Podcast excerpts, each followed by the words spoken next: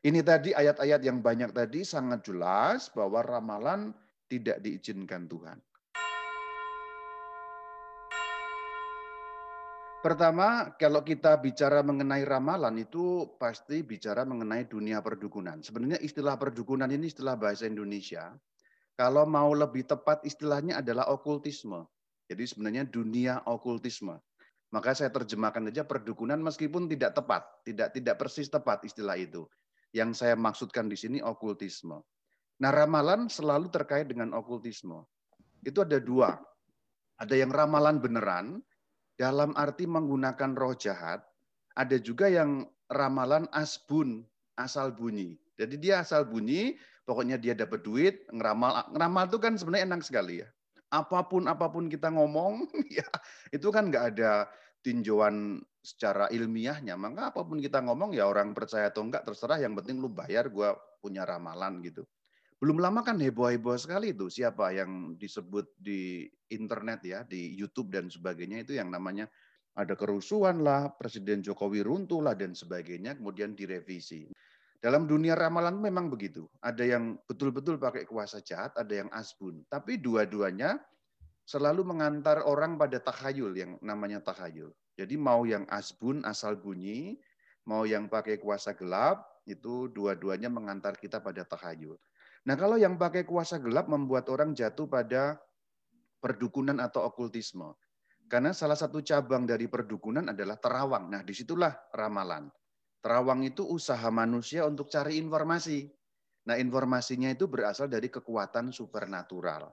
Cari dari roh-roh jahat yang membisikkan informasi-informasi terutama yang terkait dengan masa depan. Kalau ramalan kan terkait dengan masa depan. Cabang yang kedua itu sihir. Nah, itu okultisme orang bisa melakukan sihir. Ini sebagai pengantar. Nah, kalau kita bicara mengenai ramalan, ramalan terkait dengan kekuatan supernatural. Saya andaikan itu ramalan yang menggunakan roh jahat ya, bukan yang asbun, bukan yang asal bunyi. Nah, kekuatan supernatural yang dimaksud itu adalah kekuatan iblis dan roh jahat.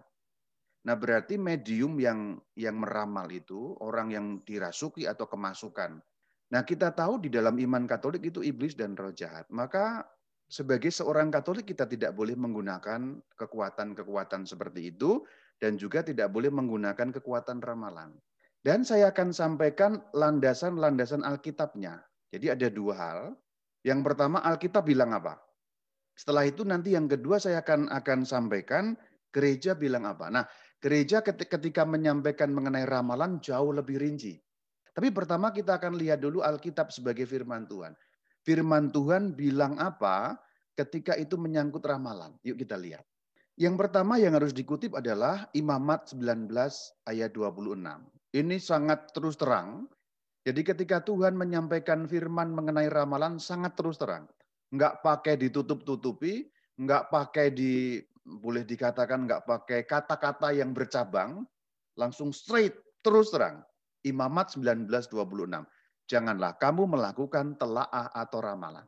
Tuhan terus terang sekali karena memang ini imamat adalah satu kitab yang menceritakan orang Israel yang masih awal sekali. Mereka belum masuk ke tanah terjanji, mereka masih berada di padang gurun.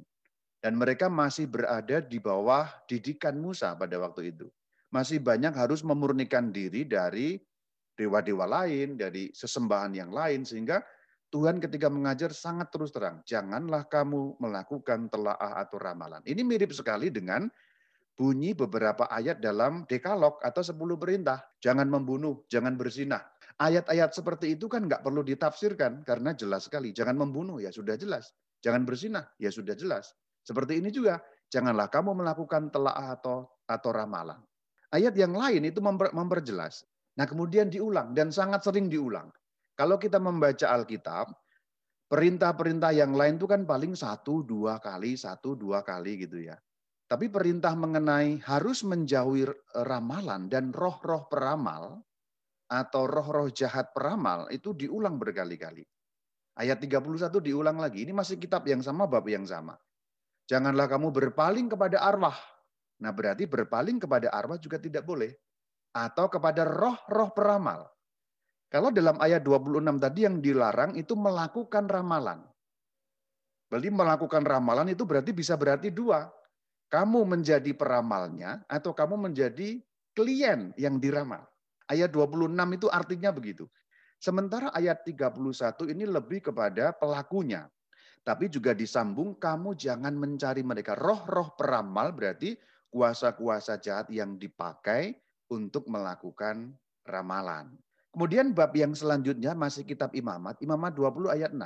Orang yang berpaling kepada arwah, berarti kepada roh-roh orang mati, atau kepada roh peramal, yakni yang bersinah dengan bertanya kepada mereka, aku sendiri, akunya Tuhan, akan menentang orang itu dan melenyapkan dia dan seterusnya. Jadi dikatakan di sini berarti ramalan itu sama dengan berzinah.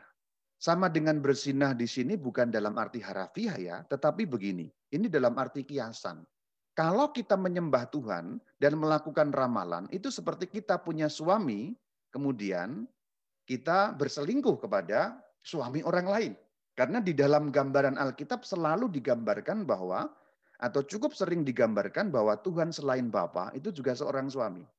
Jadi itu hubungan yang sering digambarkan dalam Alkitab antara Allah dan manusia umatnya. Itu Allah seperti seorang suami, kita istrinya. Nah kalau kita berpaling kepada roh-roh peramal, melakukan ramalan, itu seakan-akan bersinah karena kita mengkhianati Tuhan sebagai seorang suami. Nah ini maksud dari Imamat 20 ayat 6. Ini landasannya jelas sekali. Sudah ada tiga ayat yang yang langsung straight, langsung lurus begitu saja keras melawan itu. Kemudian ayat selanjutnya, ayat 27 masih bab yang sama.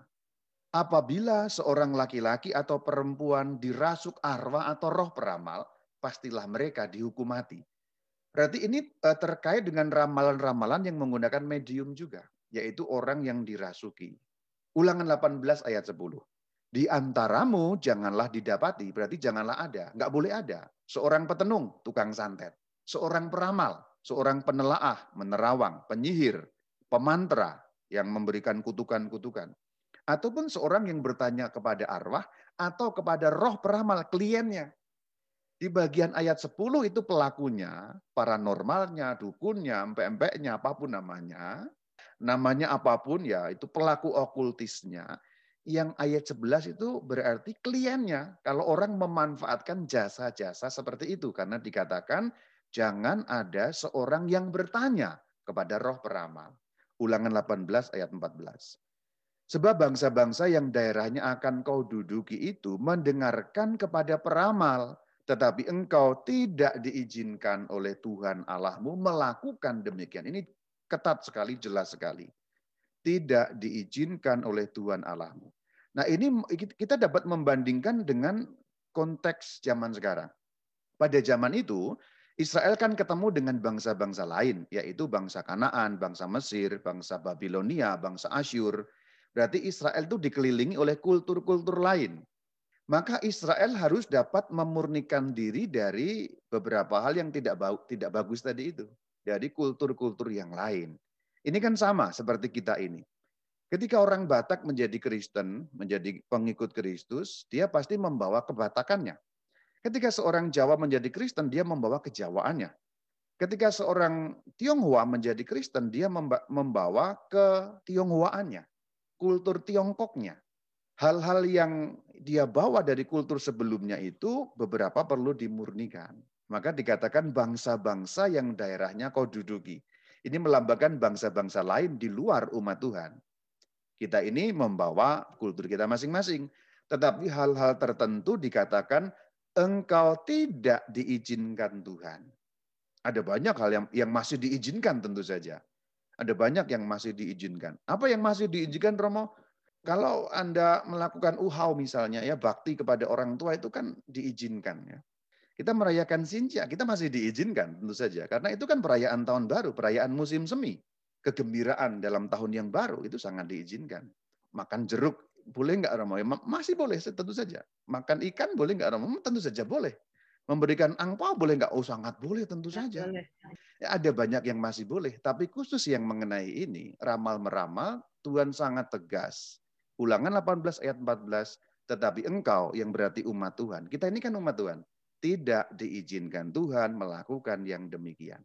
Apa sih maksudnya kok nggak diizinkan sesungguhnya? Karena ramalan terkait dengan tahayul. Tahayul terkait dengan roh jahat. Roh jahat terkait dengan kuasa gelap. Berarti kalau kita menggunakan ramalan, kita masuk ke tahayul dan masuk kepada kuasa setan. Yang artinya kita berkhianat kepada Tuhan. Dan itu sesungguhnya melanggar perintah yang pertama. Nah inilah keberatan dari ramalan adalah kita melanggar perintah pertama. Saudara-saudari, melanggar perintah pertama ini bahaya sekali kita selingkuh kepada Allah yang lain dalam dalam arti ini adalah roh-roh jahat. Nah, itu maksud Tuhan sebenarnya.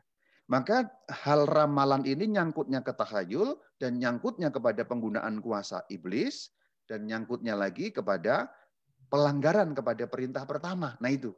Kaitannya itu begitu. Ingat nggak malam Paskah kalau kita merayakan malam Paskah? Setiap malam Paskah kan kita membarui janji baptis. Kalau kita membaharui janji baptis, kalimat pertama yang yang ditanyakan oleh Romo adalah apakah saudara menolak tahayul dan menolak setan? Jadi ada tahayul yang ditolak, ada setan yang ditolak. Berarti menolak tahayul dan menolak setan itu bagian langsung dari iman Kristen. Artinya, kalau Anda tidak menolak tahayul dan tidak menolak setan, berarti Anda menolak iman Kristen. Jadi itu berhadapan-hadapan, itu versus. Jadi itu face to face. Kalau Anda berbohong, Anda belum menolak iman Kristen sebenarnya. Belum menolak Tuhan. Tapi kalau Anda tidak menolak tahayul, dan Anda tidak menolak setan, berarti Anda malah menolak Tuhan. Ini tadi ayat-ayat yang banyak tadi sangat jelas bahwa ramalan tidak diizinkan Tuhan.